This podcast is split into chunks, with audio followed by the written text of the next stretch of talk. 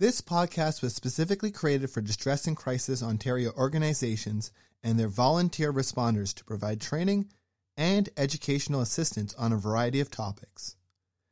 As information evolves and changes, these podcasts are meant to offer ongoing support with the goal of updating them on an ongoing basis. We thank the volunteer responders and the contributors to this podcast. Please visit our website, dcontario.org, for more information and how to access free mental health services. Thank you.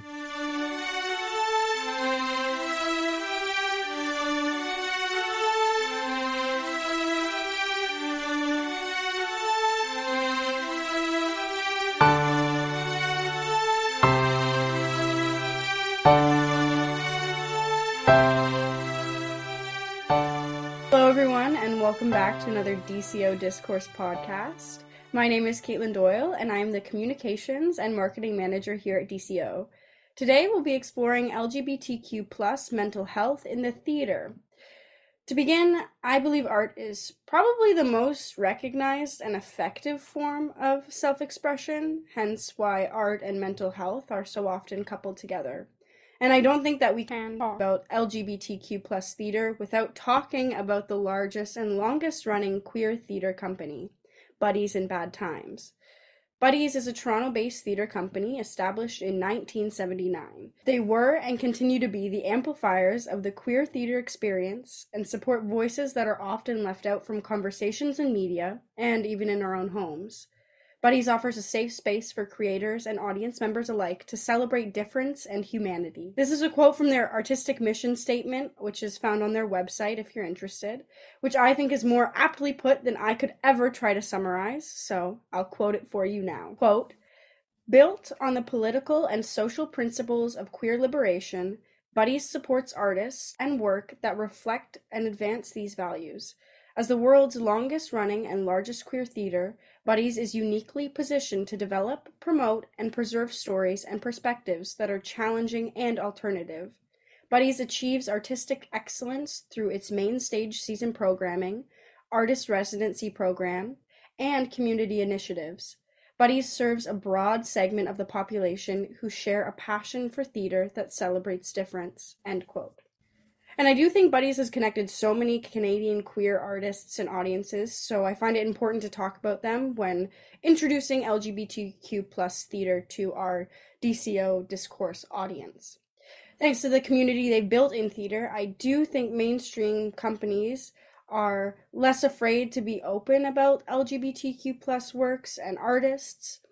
And Canada has an extensive list of playwrights and performers, artists who are all very open about their sexuality. Of course, if you'd like to learn more about the history of Canadian and queer Canadian theatre history, the Canadian Theatre Encyclopedia is a wonderful and very accessible place to start.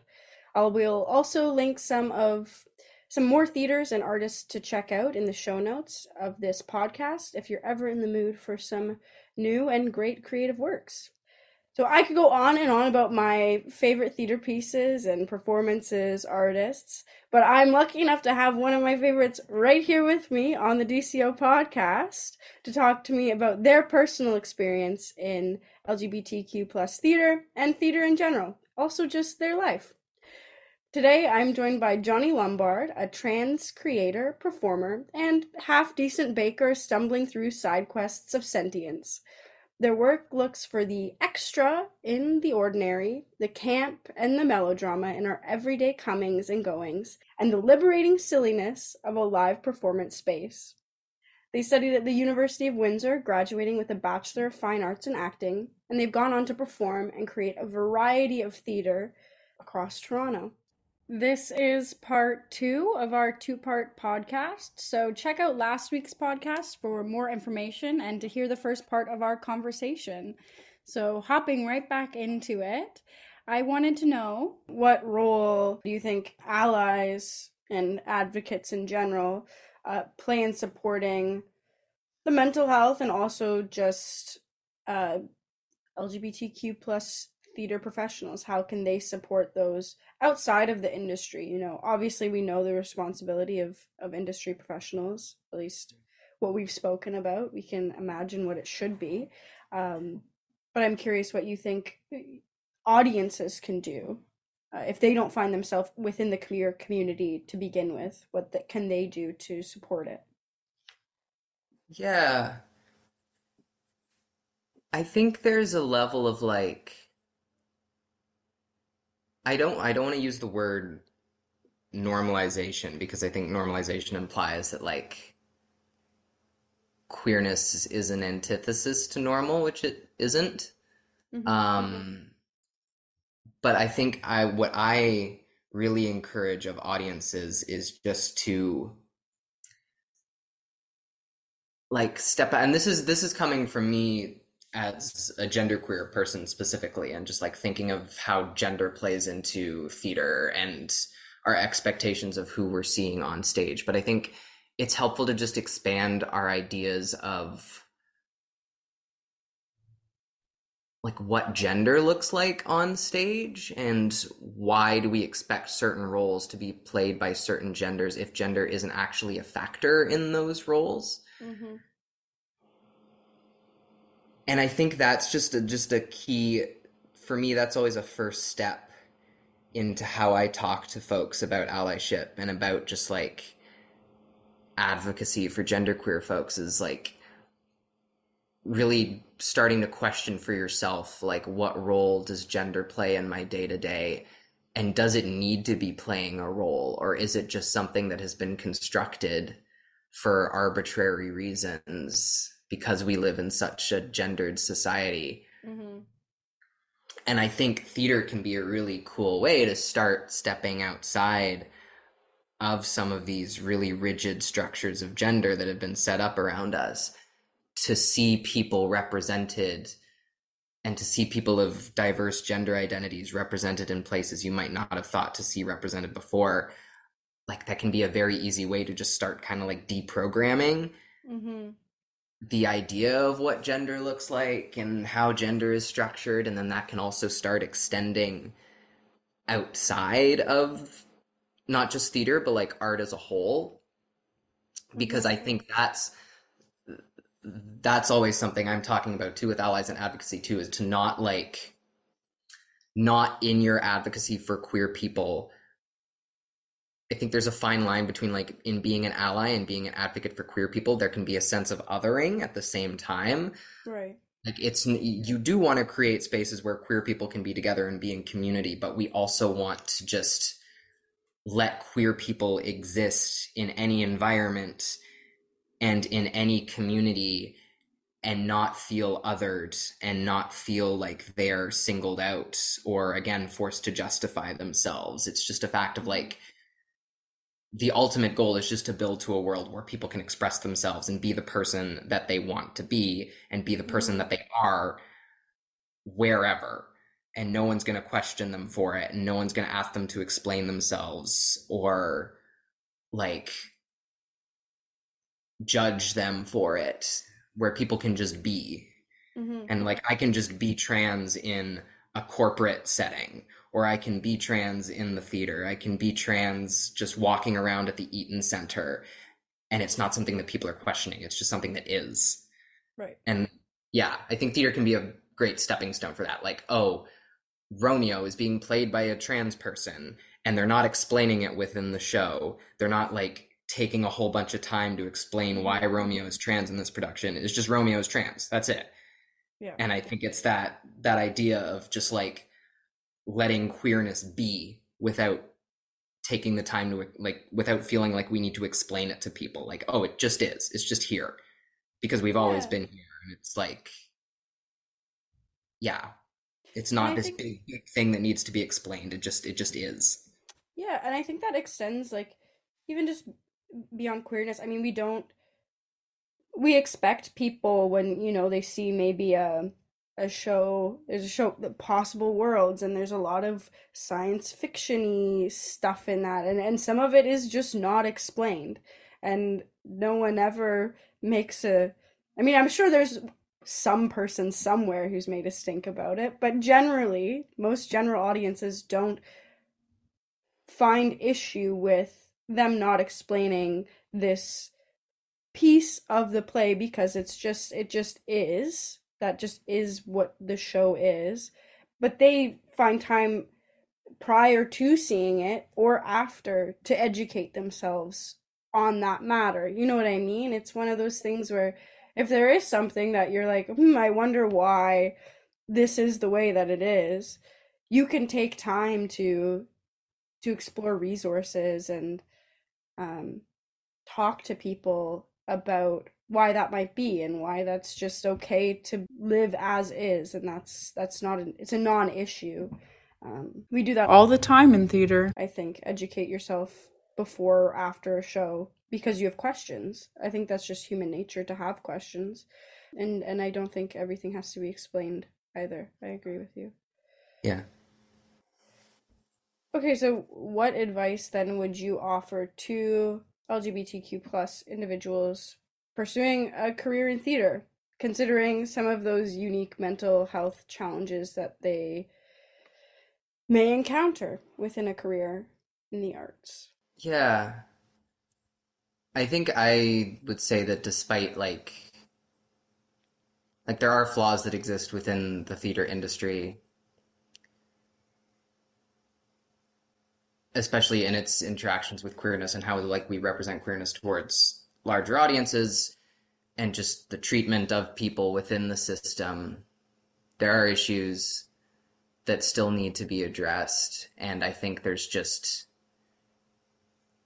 in general, issues of like equity and representation that we still need to work for. But at the same time, I think that theater has both historically and presently been somewhere welcoming in the sense that even if maybe the industry as a structure has issues, there are still communities fostered within it where people can find like kinship and where people can find community and people that they relate to and people that they feel like seen by and represented by. And so I think that's my recommendation for queer folks starting out in theater is just find your people and find because they're like out there and we are here to support each other.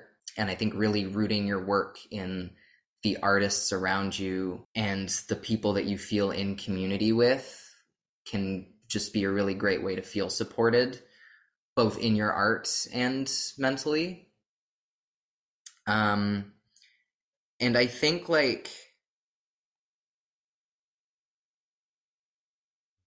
we deal with like identity is something that plays into our everyday lives like whether you are queer or not especially in this age of like social media and just hyper visibility there's always this mm-hmm. feeling of like having to edit your identity and represent your identity in a certain way and i think what I would say for queer folks in theater is that like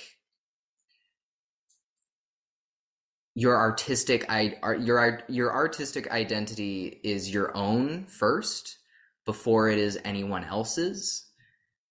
How you want to represent yourself in your work how you want to talk about things that are personal to you through your art like that belongs to you first Eventually, it is going to belong to an audience once you put it on a stage and once it's in front of people. But don't feel that you have to explain yourself or edit yourself for a larger audience. Make things for you first because that specificity is actually going to speak to more people. If you are making something that feels personal to you and feels authentic to you, that is going to expand out of the art you're making and it's going to be more relatable to people and it's going to make more people feel seen because of that specificity. And yeah, that's always what I say is like if you make something that feels authentic to you, the people to whom that also feels authentic will relate to it and that's what's mm-hmm. important. You don't want to try and speak to everybody in a way where you end up speaking to nobody and you also like don't edit yourselves for the people who feel like they're owed an explanation of your art or who feel like they're owed an explanation of how you represent yourself. Just do things for you first. Very good. That's well well put. Um, and then, in your opinion, and just your own experience, if you feel comfortable. Uh, what do you think the most pressing issues or concerns facing queer youth today are? Um, just more generally, not even specifically in theater, just however you see it. Yeah, I think outside of theater, we are seeing this rise in like anti-queer rhetoric and legislation specifically and i think that legislation is something that's occupying a lot of space in my head right now um just laws about like how queerness is interacting with the education system mm-hmm. specifically in canada that's a big one we're seeing right now where queer youth are going to potentially feel less safe in their education systems because they're going to now be concerned about like being outed by teachers to their parents because of legislation that's now being passed down. So I think that's something that really needs to be focused on because I think for queer folks and specifically queer youth to feel safe in expressing themselves artistically and in pursuing these paths where they're going to be presenting themselves publicly and presenting themselves to an audience, they need to feel safe to present themselves just day to day and as people. And so I think this is something queer folks are already doing, but like what allies need to be doing as well is just like within those levels of government be advocating for queer folks and be calling your representatives emailing your representatives like when you see this legislation being tabled to make sure it does not get passed and then also just like for allies in your day to day when you experience and like anti-queer rhetoric like calling it out and addressing it because I think that's something we can't allow to be normalized in spaces where there aren't queer people. Mm-hmm. Just because there aren't queer people in that space, that doesn't mean that all of a sudden we can let can ignore it. queer rhetoric fester. Like if you are in a room and there are no queer people there and you hear someone talking against queer people, it is your duty as an ally to still speak up about it. Like mm-hmm. you don't have to be queer to speak up against anti-queer rhetoric and that has to be something that you're addressing in your day to day even if it creates an awkward conversation it's important that like we call it out as soon as we see it so that it doesn't let doesn't get to fester. Um because i think like queer folks are we have more visibility now. We have more rights now. We are feeling freer now. But that can only be sustained if we continue to call out and push back anti queer rhetoric, and if we, I don't know what the antithesis to normalization is, but if we just make that weird, if we, if like, like anti-queer rhetoric is just so weird. Like, why do you care so much about mm-hmm. people just being who they are and living their most authentic lives? And I think that just when you can find those ways in day-to-day life to just call out anti-queer rhetoric and just make it seem like this really abnormal thing to be talking about that's what's going to be helpful in the long run is that like yes we have this fillability yes we have this representation but we also have to address the pushback against it mm-hmm. and just make people like make sure people know that like if you're speaking out against queer people like you will be spoken out against yeah not just by not just online like by your cousin and by your friend. Like your friend will not be afraid to say, hey, you can't make those jokes or hey, you can't speak like that about queer people. That is not okay. That's what's important in those day to day interactions to be calling out anti queerness where where we see it. Yeah. Abnormalize anti queerness. Abnormalize it. Yeah. weird. Like, why are you talking about that? Why are you saying these things? Why do you have these like what is making you have these feelings toward these people who are just living, living their lives and being the people that they have always been? Mm-hmm.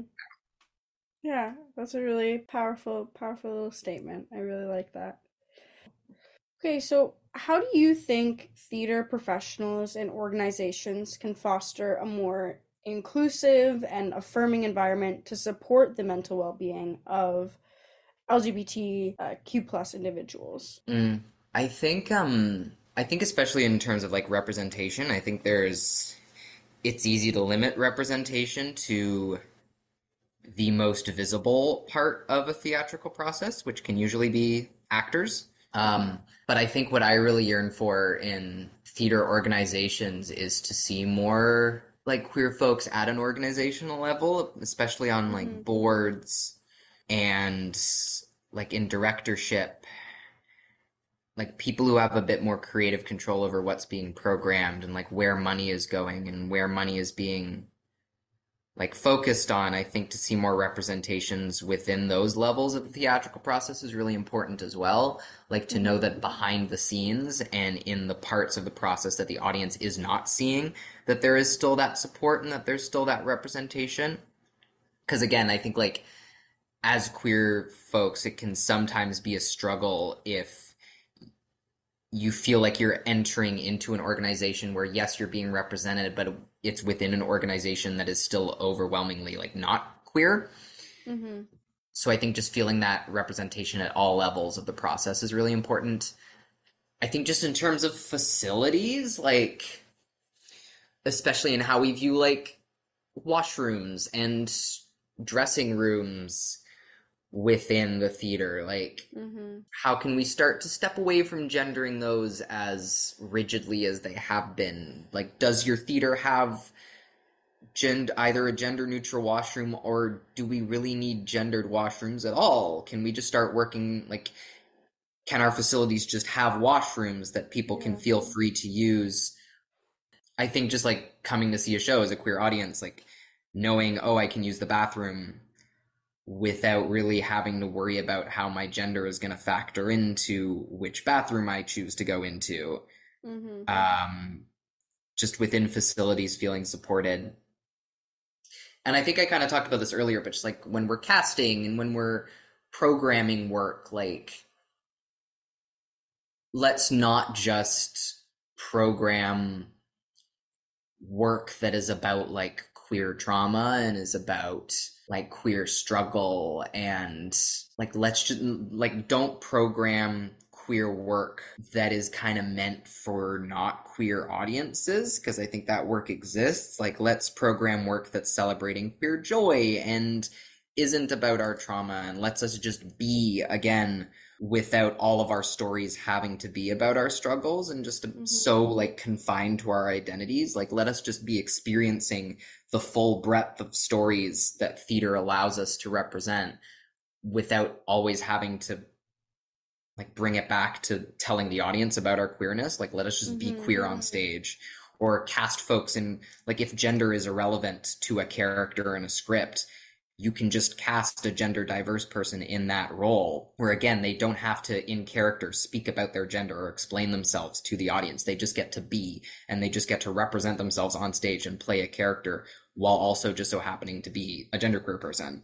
Um yeah so i think just like really going through the steps to in all levels of your organization show that representation in your facilities let people feel supported and let people feel safe and comfortable and with being really intentional within your representation not like it doesn't just stop at doing representation. The the what specifically are we representing? What stories are we platforming? How are we platforming queer queer folks? I think these are all considerations that are important yeah, that's very interesting. To to not just truly perform representation, but to to really instill it within your organization is is so important. And there was mm-hmm. something you said which I think is a wonderful way to end this podcast. Uh, more specifically, how can we support queer joy? What are ways yeah. that you see? How do you support your own queer joy, even? Yeah, I think I'll connect it back to my last point. Like, I think there's a lot of work out there about queerness that is trauma based and it's important to represent that trauma and it's important because it's both a place where we can like let it out but it's also a place where we can feel in community and like i don't want to say trauma bond but like when you see your struggles represented somewhere else you feel less alone within that struggle. So i think that stuff's important but it's also like it's really nice to take in art that is just celebrating queerness for all the beautiful and happy things it is and for the communal nature of it and for the color that's in it and just the excitement that's in it. And sometimes it can feel like like i don't know i like queer i like queer art that isn't serious that is just like us celebrating who we are. That's a way i feel joy. I feel joy when i'm like surrounded by queer folks and in community with queer folks. And i think that's a way to support it too is how are we creating spaces where queer folks can gather?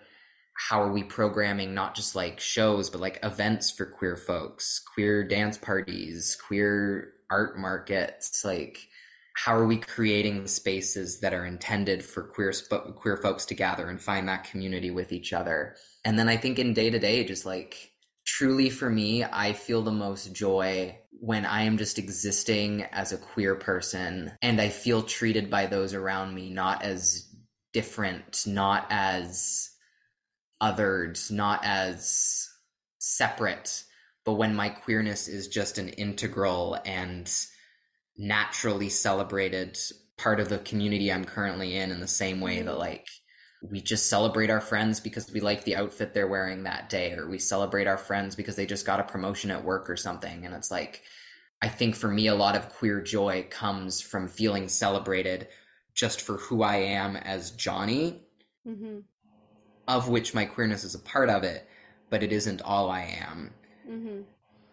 and I feel joyful in that part of me when I feel celebrated for the other parts of me as well, and I don't feel reduced to just this one aspect of myself. That was really well put. I I can't thank you enough for coming on this podcast today and talking about your life and your experiences and and just who you are. I think it is just a it truly is a brave thing to just talk about who you are and and pieces of you. It's it's it's interesting. So I really respect you for that and I once again thank you for coming on here and and chatting with me today. Thank you for having me. It was Of course. this was a great time. Of course, my pleasure. Anytime. Thank you so much, Jonnie. And thank you so much to our listeners as well. I hope you enjoyed our conversation today.